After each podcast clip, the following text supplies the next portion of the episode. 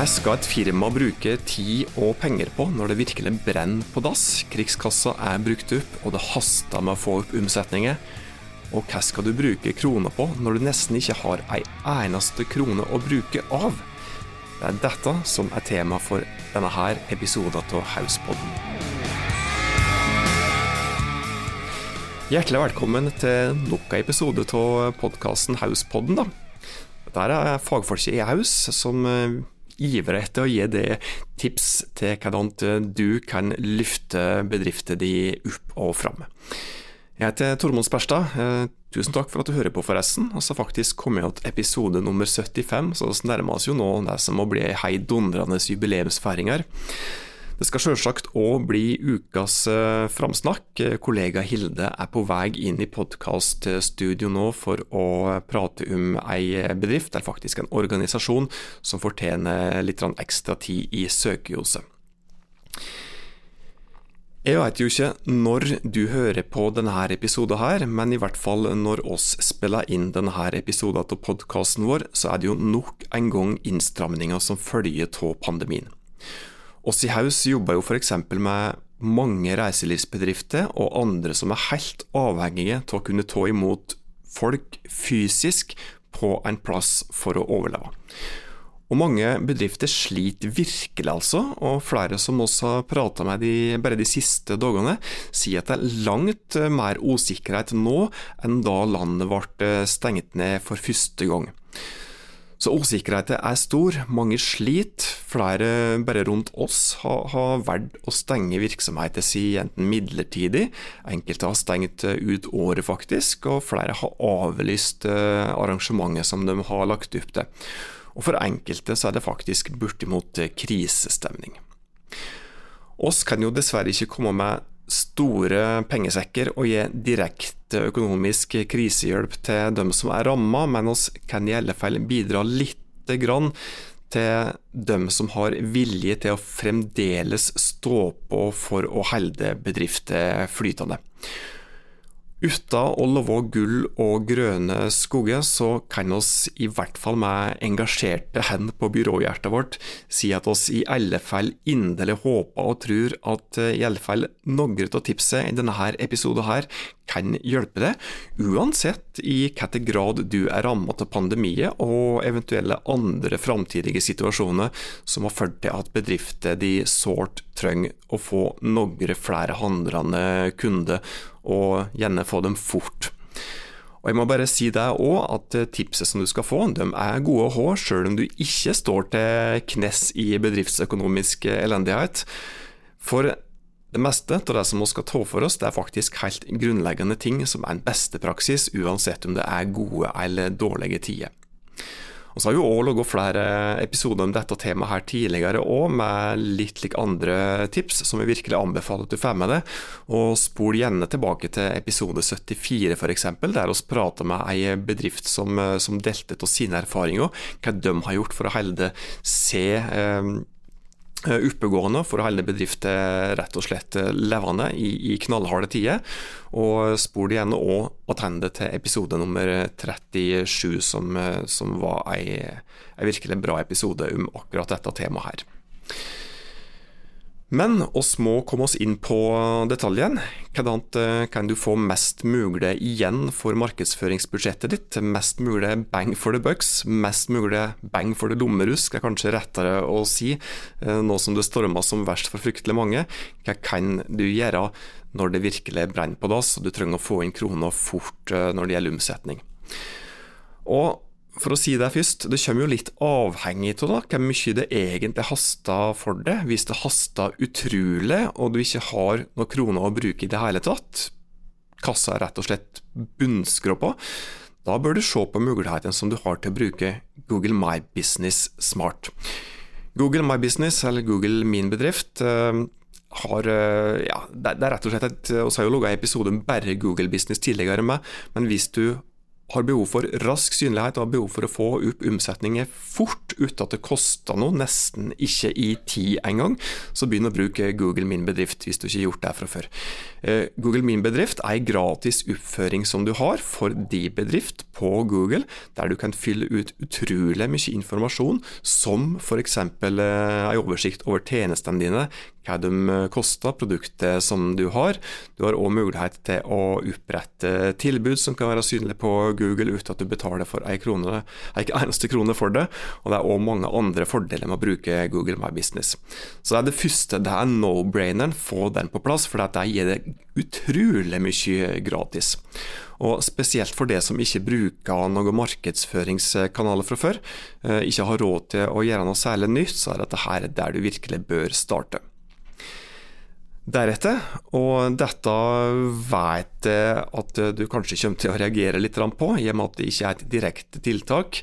Eh, start med det helt grunnleggende eh, som du bør se på før du eh, gjør forhasta beslutninger og bare kaster rundt deg med ting som kanskje fungerer. Og Det som du bør starte med, det er å f.eks. se på de analyseverktøyene som du har, eller i hvert fall håper at du har, og som jeg håper at du bruker. Eh, og hvis du, eller eventuelt det, det byrået som du samarbeider med, har sett analyseverktøyet dine rett opp, på korrekt måte altså, så skal det være mulig å se hvilke markedsføringskanaler er det som gir det mest igjen for innsatsen, mest igjen for de kronene som du har brukt. Du kan f.eks. se hvor mange leads, og kanskje òg kunde, trafikken på, inn på nettstedet ditt har generert. Du har mulighet til å se hvilke sosiale medier er det som er mest effektive. Eh, du kan f.eks. se eh, se det at eh, Facebook ikke har generert noe omsetning i det hele tatt det siste året, men Instagram har kanskje gitt kjempemye omsetning. Og kanskje hadde trodd det omvendte, og da er da den innsikten som du får i analyseverktøyet utrolig bra å ta med deg, og i hvert fall når det haster med å få opp omsetninger, for da bør du jo fokusere på det som da beviselig faktisk fungerer. Bruker du analyseverktøy bra, så har du mulighet til å se hvilke kampanjer, f.eks. hvilke nyhetsbrev som har gitt eh, mest eh, salg i kroner og øre. Du har mulighet til å se hvilke produktgrupper eller hvilke tjenester du har omtalt på nettstedet ditt som potensielle kunder er mest interessert i.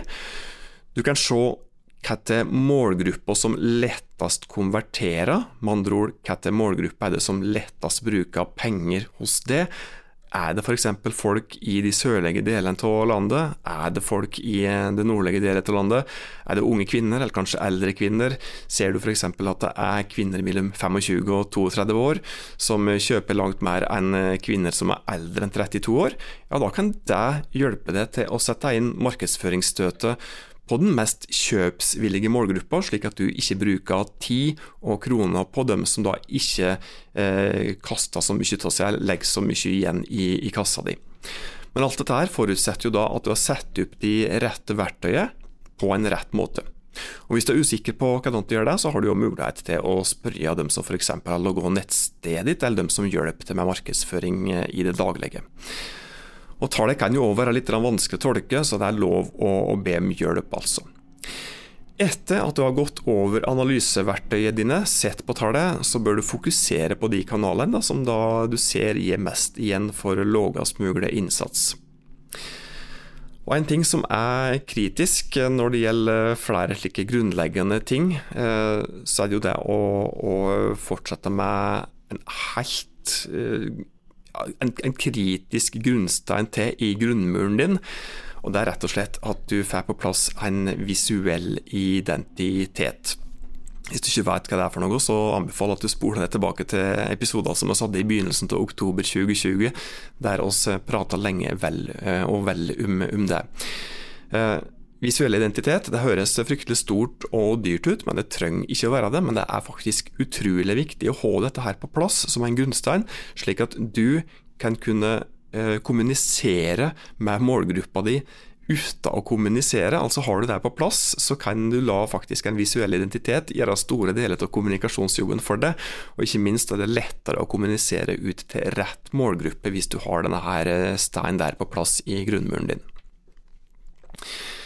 Ja, Liten slik fortsettelse kanskje av denne statistikken, analyseverktøyet som vi prater om. Hvis du ikke har tilgang til statistikk, og heller ikke har god innsikt i hva det er som kan gi det mest igjen for pengene, så hadde nok jeg, hvis jeg skal prate om noen direkte tiltak her, jeg hadde nok satsa kronene mine og tida mi på, på, Google Ads. Google Ads kan være utrolig billig å bruke, og det er lett når du bruker den kanalen der, i hvert fall hvis du bruker den på en bra måte, så er det lett å sikte seg inn mot den målgruppa som er mest klare og villige til å dra kortet eh, hos, hos det. Hvis du er tvinga til å stenge bortimot helt ned eh, for virksomheten din, eh, hvis du tar imot f.eks. Eh, folk i restaurant da, eller har et hotell eller slik, og du nå er nesten tvinga til, til, å rett og slett stenge dørene dine, må avlyse fysiske arrangement òg, så bør du kanskje ta en runde for å se om det er et eller annet som du da har kompetanse på, eller et eller annet som du har tilbudt fysisk tidligere, som du nå har mulighet til å tilby digitalt. Er du en restaurant f.eks., så kan det jo hende at du har en uh, kjempeflink eh, vinkelner som kan selge vinkurs på nett. Og hvis da de tidligere fysiske restaurantgjestene dine får delta på det, det vinkurset, så vil ikke det si at de ikke har lyst til å besøke dere senere og, og kjøpe god vin fra vinkjelleren som dere har. De får garantert lyst til å besøke dere senere og når dere har åpna opp. Ja, er det et konditori eller bakeri som må stenge? Kanskje kan du ha et nettkurs eller et webinar om hvordan du pynter kake eller fikser den eh, beste gjærbaksten. Er du en fjellguide som nå ikke har noen personer å guide lenger? Kanskje kan du kjøre et betalt webinar om sikkerhet til fjells? Uh, ja, er du en ungdomscamp, skal ha en ferielærer slik? Kanskje, dette er jo kanskje litt uh, utfordrende, men jeg uh, kan jo gi deg denne utfordringa her hvis du har dette produktet ditt uh, fysisk. Kanskje er det faktisk mulig å kjøre en form for digital ungdomscamp. Hvem veit? Så ta en god runde altså, og se om du har et eller annet digitalt òg som, som du kan selge og få opp omsetninger på.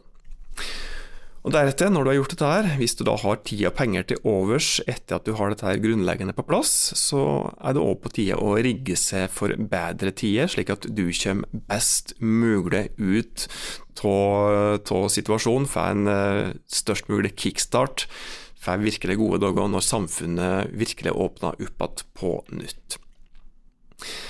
Og så begynner det å nærme oss slutten når det gjelder disse tipset her, i hvert fall. Det første som jeg nevnte, det var vel eh, Google My Business. Eh, og så prata jeg om analyse og andre grunnleggende ting, som en visuell identitet, som da slett ikke trenger å være en dyr sak.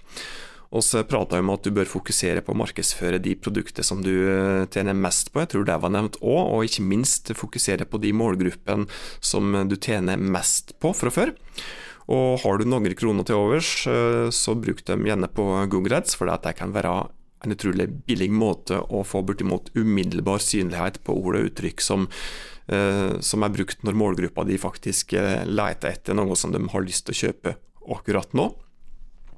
Og så bør du da rigge det for framtida, rigge det for når samfunnet åpner opp igjen, gjennom å jobbe kanskje videre med den visuelle identiteten din, jobbe med nettsida di, jobbe med søkeanalyse, søkemotoroptimalisering eh, og andre ting som da kan hjelpe deg med å få en virkelig god start da når kundene dine står og krafser på døra igjen igjen. Da har jeg fått besøk av kollega Hilde i studio her, for det er nemlig tid for uh, ukas uh, framsnakk. Og jeg ser at du har med deg et utrolig spennende navn på blåkjedet, Hilde. Hvem er det du vil gi litt ekstra tid i søkehus i dag? Hvem er det som fortjener litt ekstra uh, heder og ære? I dag har jeg lyst til å løfte fram en Instagram-konto som heter Ung voksen. Det er en eh, konto som Skjåk helsestasjon opprinnelig eh, sto bak. Eh, med kanskje Eli f.eks. i spissen, men alle sammen deltok. og så tror jeg nå i ettertid at Jeg syns jeg har sett det i hvert fall på Instagram at det er flere folk fra nærliggende kommuner som er med på denne kontoen.